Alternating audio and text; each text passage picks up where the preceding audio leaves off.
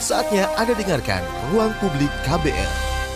Selamat pagi, kita berjumpa kembali dalam ruang publik KBR dengan tema pagi hari ini peta bencana.id untuk mitigasi. Saudara Badan Meteorologi, Klimatologi, dan Geofisika BMKG mengeluarkan peringatan dini potensi hujan untuk bulan Februari hingga Maret 2020 yang diperkirakan masih tinggi di berbagai wilayah Indonesia. BMKG mengimbau masyarakat tetap waspada dan berhati-hati terhadap dampak yang dapat ditimbulkan. Dampak itu antara lain banjir dan tanah longsor. Pekan ini banjir terjadi terjadi di berbagai daerah antara lain wilayah Jabodetabek, Jawa Barat, dan Jawa Tengah. Di peta bencana.id, informasi soal wilayah banjir bisa diketahui. Sebenarnya apa gunanya dan apa gunanya masyarakat tahu soal peta bencana ini? Seperti apa peta bencana ini bisa dimanfaatkan masyarakat untuk kepentingan yang lebih besar? Untuk berbincang soal ini telah hadir di studio KBR Ida Maria, Research Operation Coordinator Peta Bencana. Enaknya ngomongnya peta bencana titik id.id gimana sih enaknya ngomongnya? Mm, biasanya petabencana.id.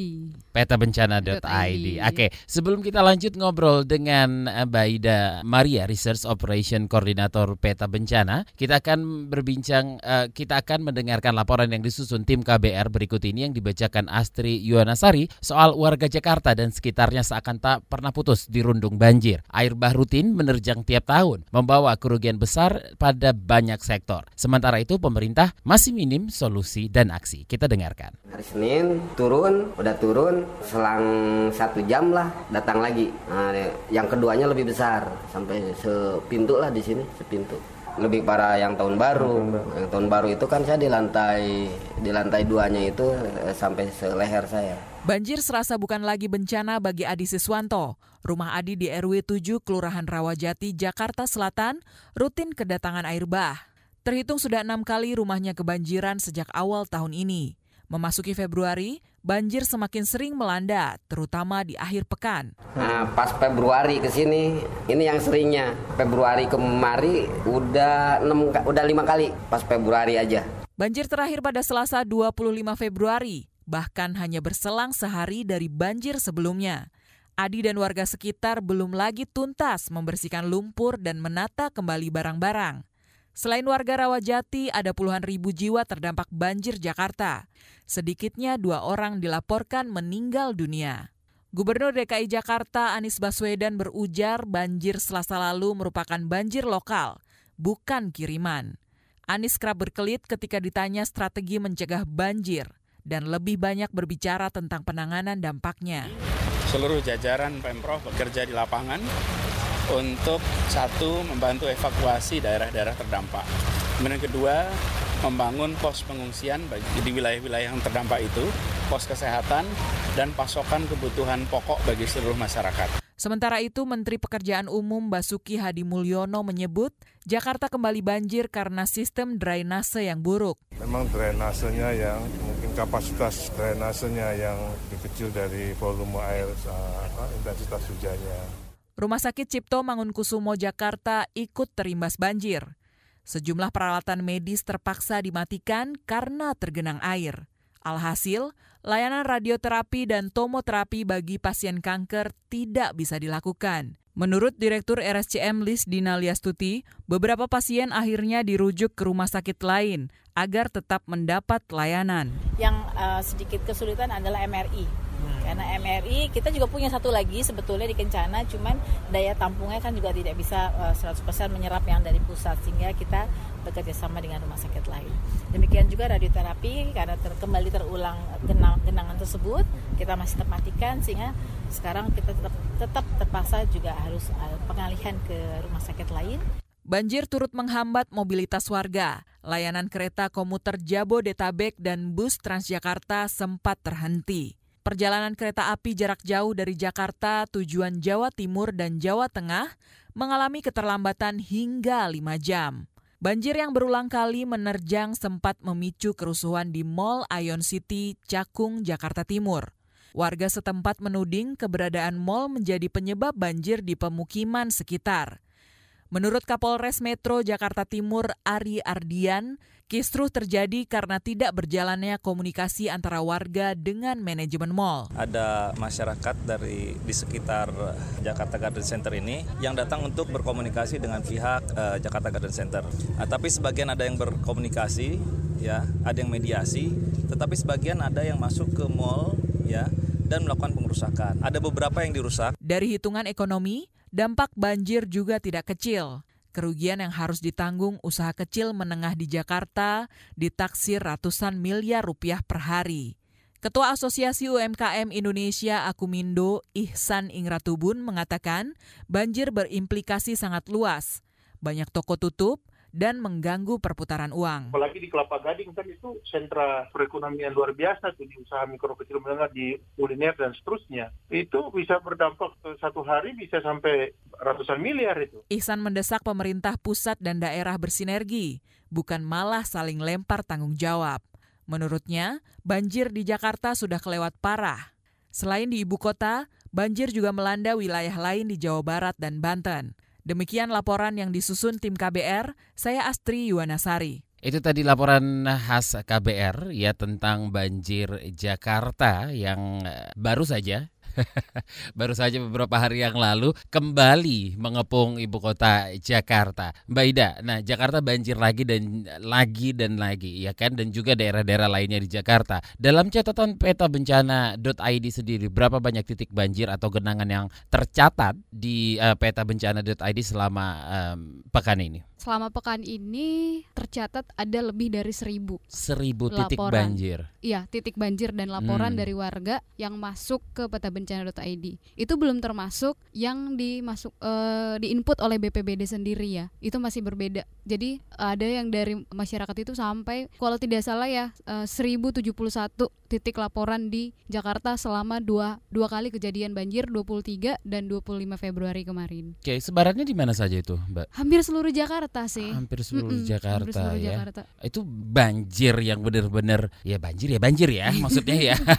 maksudnya ketinggian banjirnya pasti bervariasi, bervariasi gitu ya. Uh -uh. Bervariasi uh -uh, uh -uh, ya. Nah, kita kembali ngobrolin soal uh, peta bencana.id ini. Berbeda dengan peta bencana yang dimiliki mungkin oleh beberapa lembaga dan mm -hmm. daerah. Peta bencana.id ini menghadirkan kondisi banjir di suatu wilayah secara real time atau waktu nyata. Jadi bisa dijelaskan informasi apa saja yang pengunjung dapat ketika meng mengakses peta bencana.id ini Mbak Ida? Jadi peta bencana.id ini kita memang kita selalu menjunjung tinggi prinsip real time-nya itu. Hmm. Kenapa real time? Kita pengen ketika banjir eh, orang-orang bisa langsung cek kejadian banjir yang mana terjadi pada saat itu. Kemudian kenapa real time juga kita uh, bikin laporan itu bertahan hanya satu jam, satu jam saja di platform kita. Pasti hmm. orang kenapa kenapa sih satu jam gitu? Kenapa satu jam? Uh, mengingat sifat banjir yang fluktuatif pasti kan bisa jadi banjirnya cuma di 20 menit atau cuma genangan okay. seperti itu. Tapi mm-hmm. genangan pun kalau tidak ditindaklanjutin kan bisa jadi gena, uh, genangannya di situ aja terus gitu. Mm. Jadi memang kita menjunjung tinggi si real time yang tadi itu supaya ketika terjadi banjir orang-orang bisa langsung ngecek, kemudian bisa langsung melakukan e- uh, mungkin evakuasi atau bisa langsung uh, menindaklanjutin si banjir tersebut. Oke, okay, bisa jadi uh, siap-siap misalnya ada titik banjir di dekat lokasi dengan tempat betul. tinggal bersiap-siap juga mm -mm, gitu ya. Betul. Antisipasi seperti betul, itu ya. Antisipasi. Oke, hanya satu jam. Satu jam. Hanya satu jam. Kenapa satu jam? Tadi Mbak Ida juga mm -mm, bilang banjir kan fluktuatif kadang cepat surutnya betul. gitu. Ha. Kalau memang lebih apa namanya banjirnya itu belum surut satu jam berarti di peta bencana.id juga masih ada. Nah, karena kita prinsipnya itu crowdsource, kita kan menghimpun semua uh, menghimpun laporan dari masyarakat hmm. dan dari sosial media gitu. Jadi sepengalaman kita itu walaupun kita bikin banjir itu hanya bertahan satu jam, pasti orang-orang akan terus melapor. Jadi uh, selalu uh, mereka itu ngirim laporan ke peta bencana tadi dan akan selalu terupdate di peta kita. Jadi uh, ketika ada laporan yang udah satu jam sudah selesai gitu, pasti akan ada lagi gitu karena mereka prinsipnya adalah ketika anda melaporkan, anda membantu uh, masyarakat dan uh, orang lain di sekitar anda untuk mengurangi resiko gitu. Jadi pemerintah pun bisa langsung memproses follow up kejadian banjir tersebut dan masyarakat di sekitar pun lebih aware ketika hmm. terjadi banjir. Mungkin mereka ingin berpergian ternyata di, di di depan rumah mereka atau depan kompleks mereka itu banjir gitu. Jadi kita lebih ini sih lebih helping people gitu. Tapi peta bencana.id ini nasional ya Mbak ya? Sekarang sudah nasional. Sekarang sudah nasional. Kemarin ya? kita 11 Februari baru launching seluruh Indonesia. Hmm, Awalnya masih bisa di, eh, hanya diakses di empat kota di eh, Jabodetabek, Bandung, Surabaya dan Semarang. Oke. Tapi 11 Februari kemarin kita udah seluruh Indonesia. Jadi siapa pun yang mau lapor kejadian bencana di sekitar eh, di sekitarnya bisa langsung ke petabencana.id. Oke, berarti ini sudah nasional semenjak 11 Februari Betul, kemarin dan ah. siapa pun bisa mengakses di Betul, sana ya. ah. Luar biasa. Selamat ya bencana.id ya. Oke. Jadi selama sepekan ini kan kita tahu banjir bukan hanya di Jabodetabek saja. Bisa diupdate berapa titik banjir yang muncul di peta bencana dalam sepekan ini nasional? Kalau nasional ada lebih 1.200. Hmm. Eh, jadi memang karena kita baru launching seluruh Indonesia 11 Februari, eh, orang-orang mas- kita masih akan terus sosialisasi ke orang-orang bahwa peta bencana sudah bisa diakses karena selama enam tahun belakangan kita hanya bisa diakses di empat kota tersebut. Jadi memang kita butuh waktu untuk sosialisasi ke masyarakat bahwa ini sudah bisa loh diakses seluruh Indonesia gitu. Hmm. Jadi ketika kamu kebanjiran atau ketika kamu terjadi eh, mengalami bencana, kamu sudah bisa melapor ke petabencana.id gitu. Tapi Oke. memang kita kemarin sudah dapat juga beberapa titik di Bandung eh, ketika banjir barengan ya Bandung sama Jakarta. Iya. Ah, ah, eh, Jawa Barat eh, barengan sama sama Jakarta. ah. Jabodetabek. Kemarin sudah kemarin per per hari kemarin tuh kita ada sampai dapat laporan mencapai 30 laporan 30 ke atas gitu. Hmm, 30 ke atas Betul, ya. ha. Berarti kalau rata-rata bisa dihitung eh, laporan yang masuk dalam satu minggu itu ada berapa laporan banjir minggu terakhir Ah, ini mm-mm. ya? Minggu Mbak? terakhir ada sampai 1271 laporan banjir dari Wow, seluruh Indonesia. Dari seluruh Indonesia. Dalam dua eh, satu pekan ini. satu paling pekan banyak terakhir. di daerah Jakarta. paling, paling rekor Jakarta. kemarin sih Mas tanggal 25 sampai 25 ya? 824 titik laporan.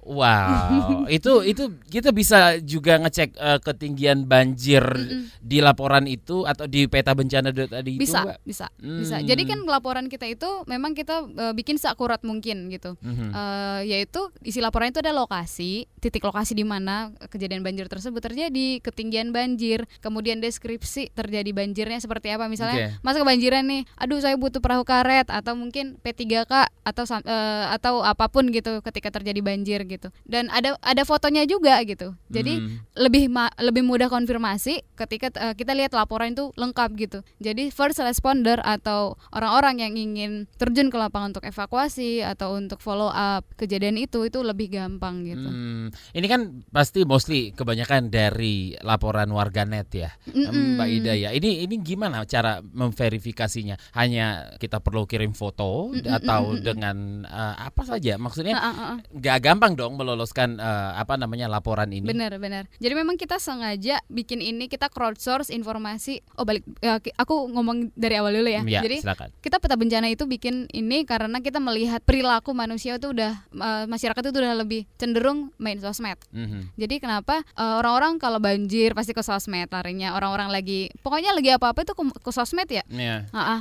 Jadi ketika itu kita mikir, wah kenapa ini data nih sumber data yang yang yang yang lumayan nah gitu kan, yang kenapa kita nggak manfaatin gitu. Akhirnya kita coba crowdsource ke Twitter. Ternyata di Twitter orang ketika banjir larinya ke situ gitu. Jadi kita bikin software namanya Cognicity. Hmm. Cognicity ini yang eh, bertugas itu untuk menyortir, kemudian oh yang pertama itu dia membalas membalas eh, setiap kata banjir, kemudian dia disortir banjir yang beneran apa enggak, kemudian ditampilkan di peta. Jadi setiap ada banjir di Twitter, misalnya masih ngetik banjir di Twitter. Ah, itu yang saya lakukan. Ah, oke.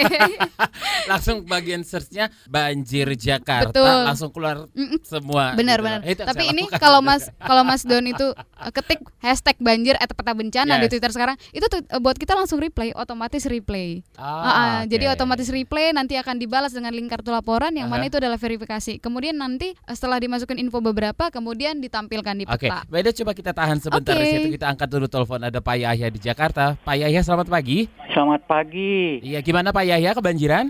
Saya sih di tengah-tengah, Oke. si bebas lah. Tapi dikepung oleh banjir gitu ya. Nggak bisa keluar. Bisa keluar oke. Tapi tanggal 1 Januari itu Hmm. betul. Kalau yang hari Selasa nggak begitu. Tepatnya di mana ini Pak Yahya? Saya Kapling Pori nih, Oke, Amping Polri ya. Jakarta Barat. Oke, silakan Pak Yahya. Mau nanya apa? Ini Mbak siapa nih? Mbak Ida. Pak. Mbak Ida. Iya. Kalau saya komentar saya ya, ini bicara di Jakarta ya. Uh-huh. ini pembantu gubernur dan wakil gubernur saja belum diadakan di untuk DKI. Oke. Okay. Jadi gubernur sendiri itu kurang bertindak masalah banjiran begini. Hmm. Jadi yang saya perhatikan juga pasukan Orange yang dulu gubernur yang dia menangkan itu yang tahun 2000 ya, berapa sebelum ya, sebelum ya, yang sekarang seperti ya Pak.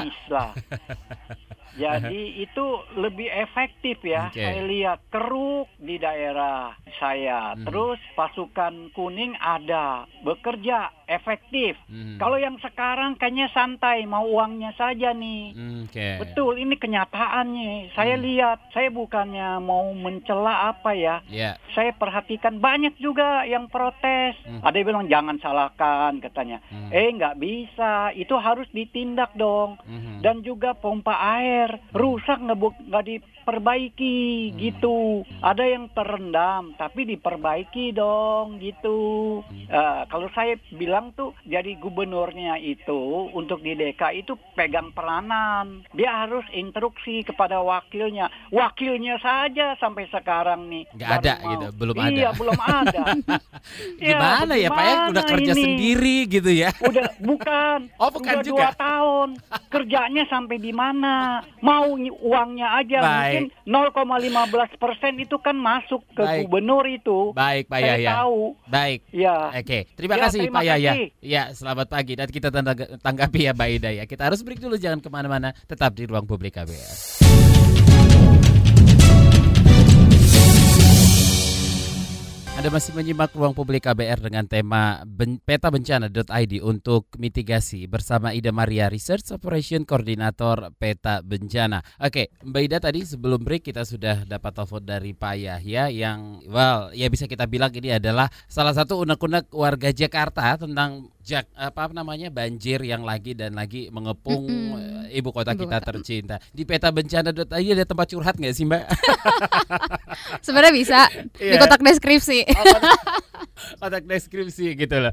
Kenapa maksud kita ya ya ke mana lagi nih warga Jakarta harus berkeluh kesah sebenarnya mm di Twitter sudah, di Instagram mm sudah, sampai main TikTok juga mm di banjir juga sudah gitu kan itu bentuk kekesalan dan ke apa namanya kekreatifan warganet itu sendiri sebenarnya. Iya, betul. Gimana di Baida menanggapinya?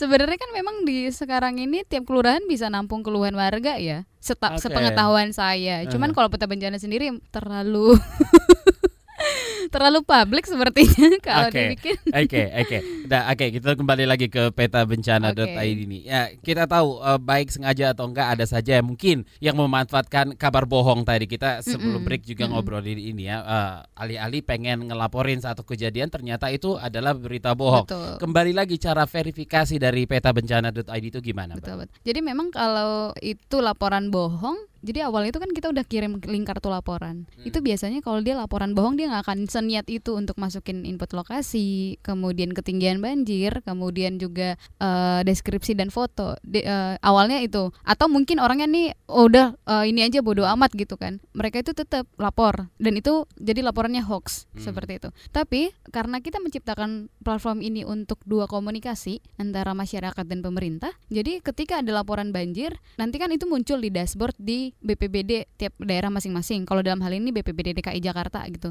Nanti tim yang standby 24 jam itu mereka ngecek ini beneran gak sih banjir gitu. Jadi kalau memang cuma satu banjirnya kayak dalam udah satu jam nih banjirnya tetap satu gitu. Itu berarti bisa dikatakan hoax. Jadi nanti hmm. dari kita itu bisa langsung take out itu laporan atau dari BPBD-nya sendiri nanti mau konfirmasi itu tidak benar terjadi banjir seperti itu. Oke, saya pengen tanya proses mulai mm -hmm. dari kita melapor mm -hmm. seperti apa dan kapan laporan kita itu dipublish di di petabencana.id. Mm, dalam waktu 20 detik. Dalam waktu 20 Betul. detik langsung dipublish. Langsung dipublish. Wow. Jadi itu kan kita crowdsource dari uh, dari sosial media, mm. ada Facebook, ada Twitter, Facebook Messenger, kemudian Telegram. Nanti mungkin akan menyusul Instagram karena anak hit sekarang yeah. Instagram semua gitu. Memang kita lagi proses. Nah, ketika kita ambil contoh aja nih uh, Twitter gitu. Kita Twitter, kita nge-tweet curhat hashtag banjir atau cuman aduh banjir nih di depan rumah saya gitu. Nanti buat kita langsung datang nyamperin. Oh, Jadi okay. langsung nyamperin nanya misalnya ada banjir sekitarmu bla bla bla laporkan pakai hashtag banjir gitu nanti uh, di reply lagi hashtag banjir nanti langsung dikirim link kartu laporan hmm. link link kartu laporan uh, ketika kita klik nanti hmm. langsung masuk dia langsung diarahkan ke lokasi jangan lupa aktifin GPS-nya dulu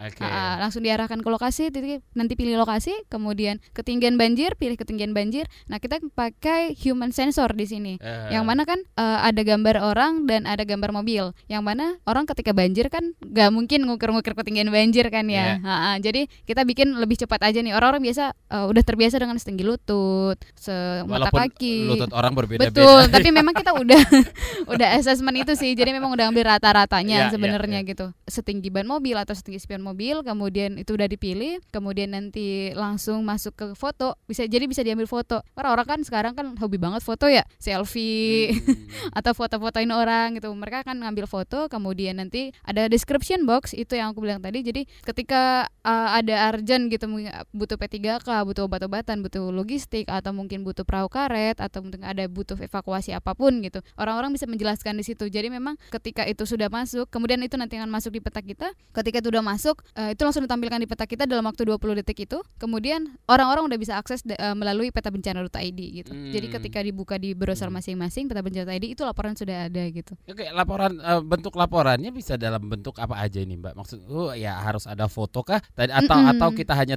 tinggal ngetik banjir nih di Twitter mm -mm. langsung di replay sama bot dengan seperti kata-kata mm -mm. tadi gitu mm -mm. ya gimana di bentuk laporan jadi memang benar semua ya benar semua mm. jadi uh, ketika kita udah ngetik banjir nanti langsung langsung disamperin sama bot mau itu banjir berat apa enggak nah untuk suka, suka dimain itu Betul. banjir ada banjir sekitarmu iya, iya. banjir enggak memang jadi harus diklik link kartu laporannya dulu jadi okay. akan diarahkan ke kartu pelaporan itu ah. gitu nah kalau mau foto atau lokasi eh, foto atau so mau foto atau deskripsi bisa orang-orang bisa milih mau masukin foto atau deskripsi yang penting sudah menjelaskan kejadian banjir itu oke okay. menarik sekali box deskripsinya kalau ada yang menuliskan minta bantuan itu mm -mm. ditindaklanjuti seperti apa mbak langsung dari peta bencana.id mengarahkan ke yang berwenang atau gimana biasanya karena di sini dipantau oleh BPBD DKI nanti BPBD DKI uh, eh, akan langsung meneruskan ke uh, misalnya mereka jaringan relawannya kan kuat juga nih mm -hmm. uh, badan penanggulangan bencana nanti akan diteruskan ke ke jaringan relawan mereka atau mereka sendiri yang langsung turun karena mereka kan ada yang standby 24 jam gitu. Hmm. Kalau dari kita sendiri memang murni kita hanya menyediakan platform pelaporan. Oke, okay. hmm. berarti ada kerjasama dengan BPBD DKI Jakarta ya, juga betul. ya. Oke. Okay. Memang kita harapkan kita selalu bekerja sama dengan pemerintah ya, daerah ya, sih. Ya. Dengan Jadi pasukan orange yang katanya sekarang Kalau pasukan orange enggak sih. Ya. Cuman dengan badan peneng, uh, penanggulangan daerah. Oke, okay. gitu. sejauh ini gimana Mbak Aida ngelihat partisipasi warga net Mm-mm. terutama ya dalam pelaporan let's say ini bukan hanya banjir kan ya? Betul. ya oke okay, dalam pelaporan bencana-bencana di sekitar mereka uh, tapi memang saat ini masih banjir mas yeah. uh, nanti akan segera ada lagi okay. gitu.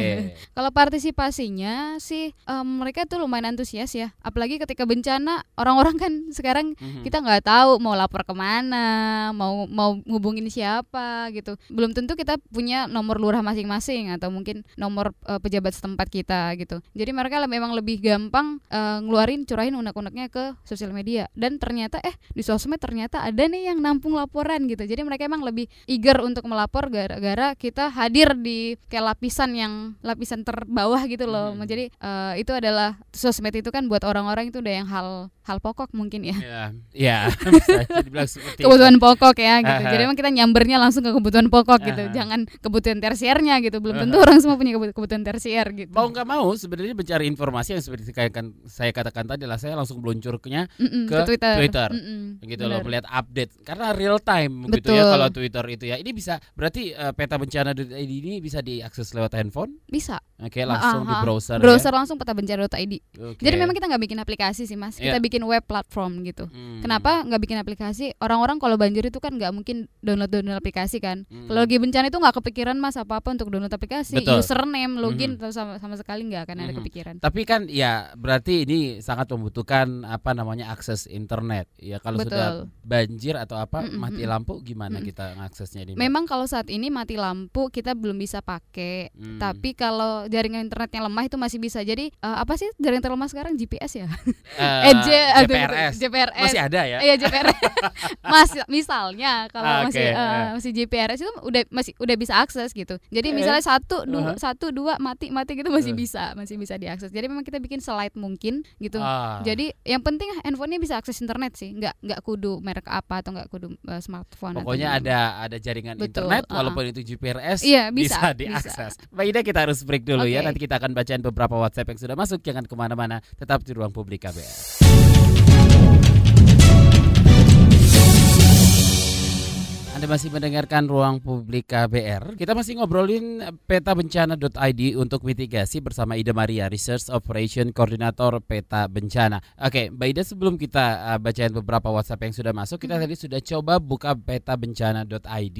Ini pengalaman uh, pengalaman gitu ya. Sejauh saya menggunakannya so far sih user friendly sih yeah. sebenarnya, tidak meribetkan sebenarnya. Emang sengaja dibuat konsepnya se user friendly seperti ini, Mbak Ida? Betul. Karena kenapa? Kita berpikir ini akan dipakai, dipakai seluruh lapisan masyarakat Betul, gitu. Ya. Karena kan kita nggak bisa menjamin orang-orang di daerah pun ngerti atau mungkin orang-orang usia tertentu ngerti untuk pakai ini. Jadi memang kita bikin segampang mungkin, seaksesibel mungkin. Dan kalau mungkin Mas Dom uh, Mas Don ada saran mungkin kayak Mbak ini kayaknya uh, ini deh gitu. Masih kita menerima saran itu. Hmm. Jadi pokoknya se-friendly mungkin, semudah mungkin Oke, okay, coba nanti aku kasih saran okay. tapi kita angkat telepon dulu dari Pak Erik Siregar di Depok. Selamat pagi Pak Erik. Selamat pagi Bung Dom. Iya silakan. Ini peta bencana dari Badan Penanggulangan Bencana ya atau dari BMKG? Oh kalau kita sendiri kita itu bekerja sama dengan BNPB Pak. Tapi peta bencana sendiri itu berdiri sebagai satu yayasan sendiri. Oh. Mm -mm, tapi oh, kita iya, ber okay, berpartner dengan BNPB. Ah, iya oke. Okay. Okay. Tapi kalau istilahnya namanya bencana itu semua di daerah juga punya namanya badan ya. Iya hmm. betul hanya, uh, hanya saja kadang-kadang tim-tim yang dibentuk oleh Badan Penanggulangan Bencana ini kadang-kadang ada berbagai relawan mm-hmm. ada berbagai tim SAR segala macam Betul. gitu kan. Mm-hmm. Jadi dari peta bencana sekarang ini contoh yang paling konkret Jabodetabek itu peta-petanya dari daerah mana yang paling rawan okay. bencana. Contoh di Depok ini aja yang paling pinggiran gitu. Mm-hmm. Karena ini kan melintasi Kali Ciliwung langsung ke Jakarta dari Bo dari Bogor. Betul. Mm-hmm. Jadi kalau misalnya orang warga Depok ada mau melaporkan ke peta bencana mm-hmm. ini aksesnya ke mana gitu? Apakah okay. langsung ke Badan Penanggulangan Bencana Daerah Betul. atau mungkin ke peta bencana mm-hmm. yang yang dimiliki Mbak ini mm-hmm. sekarang ini? Baik, itu saja Pak. Oke, okay. ya makasih. Iya terima kasih. Oke, mungkin ada beberapa pertanyaan dari Pak Erik yang mungkin bisa saya tangkap. Di peta bencana ini kita bisa ngelihat nggak sih daerah-daerah rawan banjir, Mbak Ida? Kalau rawan sih kita enggak ya. Hmm. Maksudnya kita nggak ada prediksi rawan atau mungkin ini sering kena banjir enggak. Cuman kalau dari pengalaman kita ya, kalau di Jakarta sendiri tuh rawan itu yang paling daerah Jakarta Timur Cawang, hmm. uh, kemudian di daerah uh, Pancoran, terus di Jakarta Utara itu yang paling hmm. sering-sering sama Jakarta Barat ada di wilayah Kedoi apa Puri gitu. Oke. Okay. Uh -uh. Baik. Dan caranya kalau warga pengen ngelaporin caranya gimana? Boleh kita ulang sekali lagi okay. Kalau mau di mau lapor banjir bisa pilih tiga kanal uh, dari kita sendiri sosial media ada Twitter, ada Facebook Messenger, kemudian Telegram. Kalau untuk Twitter ketik aja hashtag banjir mention atau peta bencana. Kalau untuk banjir di tab pencarian di, dicari peta bencana.id, di like kemudian kirim messenger, nanti akan ada tombol start untuk memulai laporkan. Terus di Telegram silakan di search at bencana bot di kotak pencarian. Mm -hmm. Nanti silakan uh, ada tombol juga untuk memulai. Jadi setiap melapor ada tombol memulai. Kemudian ketika udah kita lapor, nanti akan mm -hmm. ada link kartu laporan. Nah, link kartu laporan itulah yang berisi informasi-informasi kejadian mm -hmm. ketika terjadi bencana seperti lokasi, tinggi banjir, kemudian keadaan sekitar atau foto, kemudian description box. Terus kemudian itu nanti setelah itu nanti si pelapor akan mengkonfirmasi laporannya sudah benar, nanti akan langsung diarahkan ke peta bencana.id mapnya. Jadi sudah tampil di peta bencana.id mapnya. Nah kalau tadi pertanyaan Pak Erik, uh, ini kalau kita melapor uh, ada nggak yang memantau gitu? Tenang Pak, dipantau kok. BNPB sendiri itu sangat aktif memantau platform kita sendiri ini peta bencana.id. Jadi memang setiap ada kejadian banjir nanti BNPB eh, sendiri selalu merefer untuk ngecek informasi bencana ke peta bencana.id. Jadi peta uh, si BNPB sendiri pun memantau gitu. Jadi misalkan karena kan kita saat ini masih aktif banget di DKI Jakarta, misalkan ada di daerah lain nih yang uh, kebanjiran gitu, padahal BPBD-nya sendiri belum punya dashboard kita, belum punya dashboard peta bencana.id ini. Nanti si BNPB sendiri yang refer ke setiap daerah-daerah itu. Misalnya kan dia akan forward ke misalnya di Depok, Depok kan Jabar nih. Nanti uh, dari BNPB sendiri ngasih ke Jabar, eh nih ada banjir, tolong ditindaklanjutin gitu. Jadi memang kita nggak nggak membiarkan laporan ini hanya berakhir peta bencana.id sendiri gitu. Hmm. Kita menciptakan juga dashboard untuk si badan penanggulangan bencana tersebut daerah maupun pusat. Uh, warga bisa memantau memantau uh, bisa laporan juga. mereka nggak sih sudah bisa. sampai mana laporan oh, saya? kalau laporan itu uh, nggak bisa dipantau Aha. karena kan memang kita murni hanya untuk penyedia platform pelaporan okay, okay. gitu dan informasi. Gitu. Dan yang bisa tadi itu apa Mbak? Maksudnya berarti dia sudah bisa memantau. Oh, Oke okay, bisa melaporkan. Oke okay, mm -hmm. sudah dat oh, sudah ditanggulangin gitu bisa dilaporkan kembali di peta bencana.id Ya masing-masing pilihan masing-masing. Pilihan masing-masing. Ya. Kalau mau dilaporkan kembali boleh. Uh -uh. Oke okay, uh -uh. baik kembali lagi ke peta bencana.id ini kita sedang lihat ini bisa langsung lapor dari webnya sendiri juga ya. Iya bisa bisa. Oke disarankan mm -hmm. itu yang lebih gampang karena mungkin ya uh, tiba-tiba kita kena bencana mungkin panik atau gimana disarankan itu lewat mana ngelapor dia yang lebih gampang gitu. Tapi seperti yang saya bilang di awal tadi sebenarnya peta bencana.id ini sudah sangat user friendly atau memang gampang sekali digunakan gitu ya. Jadi uh, ada beberapa tombol yang langsung ketahuan apa fungsinya dan gak ribet sebenarnya. Clear gitu loh. Gimana nih, Mbak? Kalau kalau saran kita sih paling cepat itu dari Twitter ya. Twitter ya. Uh, uh, Twitter karena memang langsung botnya langsung otomatis aja reply hmm. reply reply reply uh, gitu atau mungkin telegram lah pilihan ter, hmm. ter ini teraman telegram WhatsApp untuk belum ya WhatsApp tidak open tidak open ya WhatsApp ya. kenapa ada alasan tertentu enggak mereka dari WhatsAppnya sendiri itu yang uh, mereka tidak open untuk humanitarian gitu karena ah, kan kita misi kita adalah ah, humanitarian okay. kan jadi mereka memang masih agak susah untuk open untuk humanitarian gitu hmm, kalau telegram okay. mereka open dan memang lebih rahasia pun oke okay, baik dari peta bencana ID ini masih ada satu titik banjir yang ada di sini berarti sekali lagi ini real time, real time. dan paling lama itu satu jam betul, laporannya akan betul. hilang, hilang begitu, lagi. hilang ah, lagi ah, begitu ya. Oke baik, kita ke WhatsApp dulu nih, Mbak Ida dari Susan di Tangerang. Yang ditunjukkan oleh titik di peta bencana ini titik banjir ya, bukan titik hujan. Jadi kalau di Jakarta bisa saja ada titik banjir walau tidak hujan. Iya tergantung. Tergantung laporannya Tergantung gimana? laporannya seperti itu. Oke. Okay. Jadi kan tapi memang biasanya habis hujan tuh pasti banyak banget laporan gitu. Maupun itu genangan, maupun itu banjir gitu. Jadi memang hujan, jadi memang udah polanya udah kita udah hafal. Nanti kalau banjir udah agak lama nih, eh hujan hujan, hujan deras udah agak lama nih 15 menit, 20 menit. Yang sederas-derasnya seperti kemarin tuh kita udah ngecek nih, wah udah banyak laporan nih masuk gitu. Bukan okay. titik hujan, bukan titik, titik hujan banjir. Ya. Titik hujan mungkin bisa BMKG. cek di BMKG ya. Betul. ya. Dari Mira di Depok. Kalau akses jalan kena banjir atau tidak, apakah bisa dilihat di peta bencana ini dan jalur alternatifnya gitu? Kalau alternatif tidak belum bisa, belum bisa. Tapi kalau akses ada kemungkinan ke sana berarti. Kemungkinan bisa. Iya iya, silakan. Nah, kalau untuk akses jalan tuh karena biasanya warga itu kan laporannya macam-macam ya. Yeah. Sebenarnya ada yang di rumahnya, ada yang di jalan, ada yang di kantor seperti itu. Jadi memang biasanya tuh orang-orang ngecek memang ini peta bencana dijadikan acuan ketika mereka mau bepergian kalian gitu. Jadi mereka menghindari jalan-jalan yang ini terdampak banjir gitu. Jadi misalnya kalau masnya mau pergi ke daerah Menteng gitu tapi di Hosyo Kerminoto itu udah banjir hmm, gitu. mm-hmm. itu pasti akan ketahuan sebenarnya daerah Cokro uh, Hosyo Kerminoto itu banjir gitu. Jadi orang-orang akan menghindari si jalan host hmm, ini sendiri. oke. Okay. dari Wiwit di Jakarta saya jurnalis yang sangat terbantu dengan keberadaan peta bencana.id kalau boleh ada masukan apa bisa? Ada akumulasi mm-hmm. jumlah titik saat banjir terjadi karena kalau mau menghitung jumlah titik di satu wilayah atau sejakarta itu kan banyak sekali. Mm, Terima kasih. Betul, betul.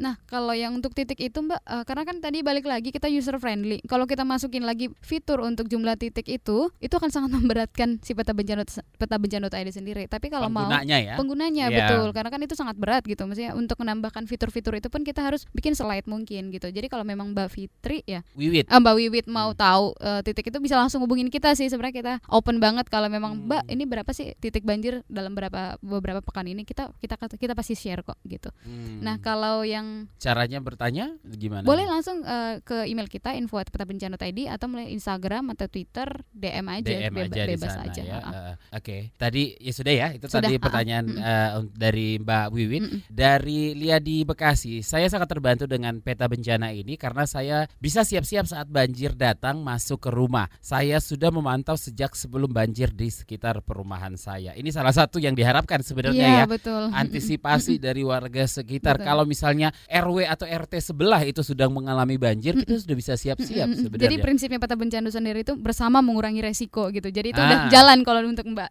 Lia ah, yang iya. di Bekasi. Gitu. Bersama gitu. mengurangi, mengurangi resiko. resiko ya. Oke. Dari Anwar di Kalimantan, kan peta ada telepon dulu. Oke, Ibu Susi di Bogor. Selamat pagi Ibu Susi. Halo, selamat pagi. Iya, silakan. Iya, mm, aku mau tanya Mbak, gimana mm -hmm. kalau uh, dari peta bencananya sendiri mm -hmm. untuk menyaring laporan itu, apakah itu benar atau tidak laporannya, mm -hmm. bukan laporan yang bohong gitu. Betul. Siapa tahu saja ada orang yang iseng gitu, mm -hmm. termasuk saya, saya juga suka iseng gitu buat ngerjain orang. Nah itu gimana cara memfilternya? Uh, okay. Makasih. Makasih. Terima kasih Bu Susi. Tadi kita sudah bahas, sudah bahas ya, uh. tapi kita harus break dulu. Nanti okay. kita akan bahas lagi ya. Siap. ya. Jangan ke mana-mana, tetap di ruang publik KBR.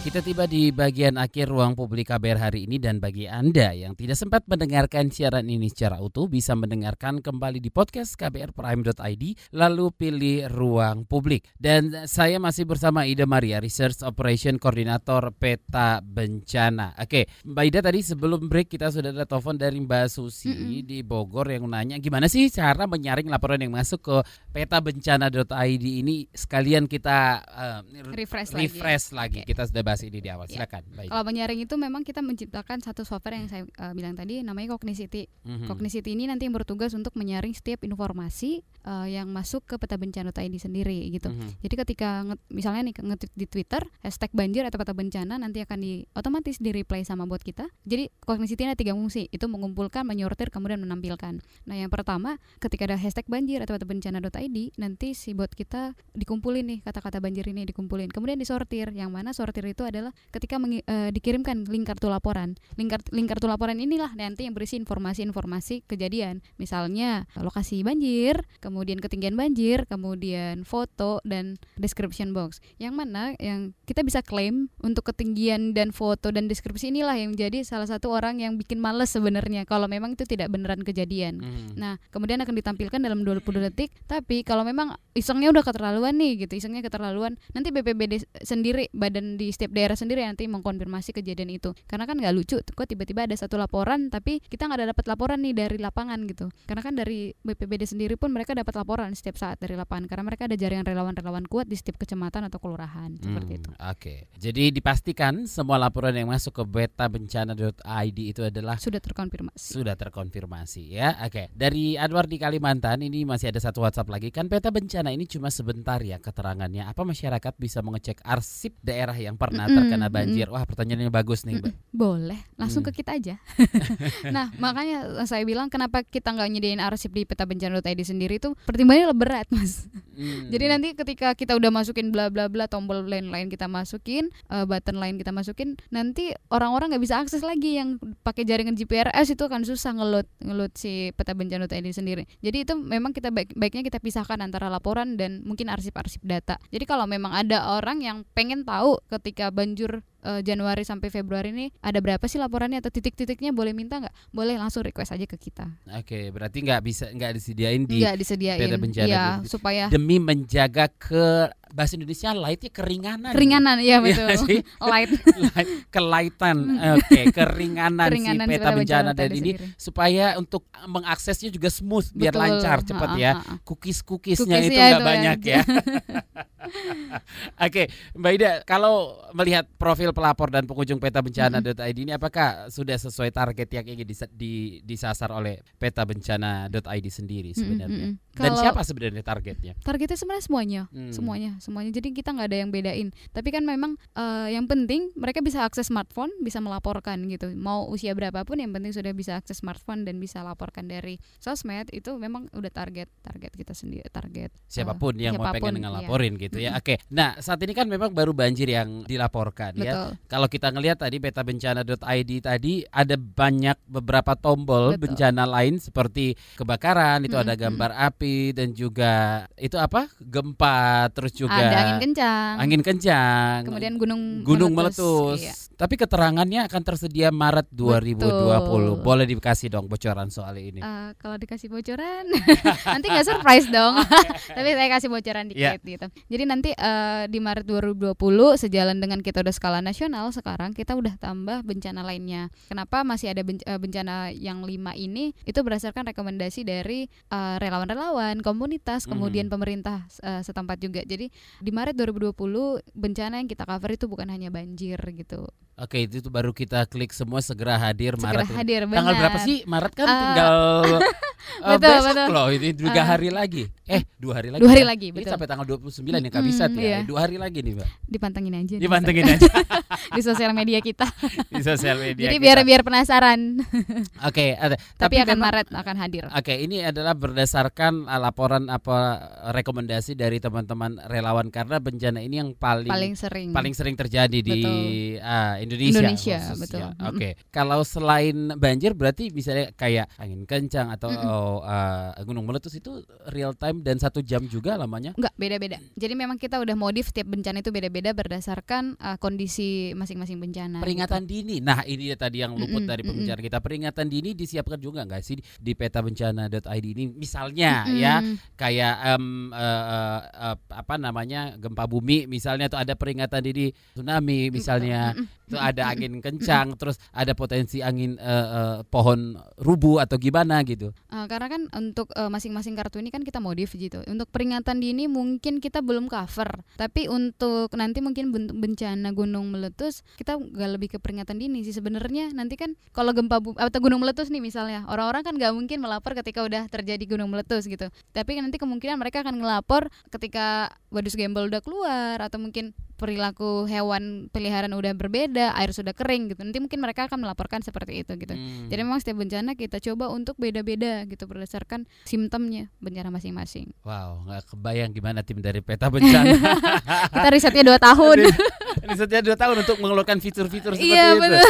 Satu fitur sat- dua tahun atau Enggak, semuanya? eh, untuk lima, lima empat bencana tombol itu kita risetnya empat ta- eh, dua tahun. Tapi Oh, untuk wow. banjir sendiri kita dari 2013 sampai 2017. Jadi emang benar-benar empat kita benar-benar ini gimana supaya masyarakat eh, bisa akses dan bisa berguna bagi masyarakat. Oke, sekali lagi deh pengen tanya tujuan sebenarnya di apa dibangun peta bencana.id ini sekalian membuat orang eh, selain membuat orang tahu di mana Mm-mm, letak-letak bencana itu apa sih visi dan misi di balik dari eh, itu semua Yang pertama bersama mengurangi resiko. bersama mengurangi risiko. Awalnya ya. itu semua dari banjir 2013 yang mana Hmm. komunikasi terputus, orang-orang nggak tahu Ya. melapor ke mana, banyak korban jiwa, resiko sangat banyak, kerugian ekonomi bahkan sampai berapa ratus miliar bahkan triliunan ya kemarin kata 2013 gitu. Jadi memang kita eh, pengen orang-orang aware juga. Jadi memang kita pengetahuan bencana kita kan di Indonesia padahal kita laboratorium, laboratorium bencana loh misalnya. Kemarin kepala BNPB waktu kita launching eh, ngomong Indonesia itu adalah eh, laboratorium bencana. Jadi kita jangan sampai kita tidak tahu potensi sekitar kita, bagaimana kita eh, cara untuk menghindari bencana tersebut gitu. Jadi Hmm. memang balik lagi humanitarian, misi kemanusiaan, kemudian juga kita untuk mengurangi resiko supaya tidak terjadi dan memanfaatkan asas gotong royong di Indonesia. Indonesia itu kan apa-apa gotong royong Hmm. gitu. Oke, himbauan untuk masyarakat dalam menghadapi bencana khususnya banjir yang masih saja mengintai berbagai daerah di Indonesia. Apa nih Mbak Ida? Siap siaga sih. Siap siaga siap ya. siaga gitu. Jadi ketika sudah curah hujannya sudah mulai meninggi atau mungkin terutama di teman-teman yang tinggal di daerah bantaran kali, kalau volume air sudah mulai naik gitu, sudah bisa evakuasi barang-barang atau eh, sudah bisa tolong di langsung hubungin pemerintah setempat atau langsung lapor ke, benca- ke peta bencana.id sendiri gitu. Hmm. Jadi untuk bersama mengurangi resiko itu eh, balik lagi dan kemudian eh, supaya nggak ada nggak ada orang yang panik ketika terjadi bencana itu gitu. Oke, baik. Dan ya terima kasih Mbak Ida Maria Sama-sama, Research Operation Koordinator. Peta Bencana. Nanti ke sini lagi ya kalau itu empat fiturnya Pasti. sudah launching ya. Kalau ada undangan Tanggal berapa sih? nanti deh. Nanti. Oke. Nanti kita kontak-kontakan lagi. Baik. Mbak Ida terima kasih ya. Terima kasih. Saya Beradi pamit salam. Baru saja Anda dengarkan Ruang Publik KBR.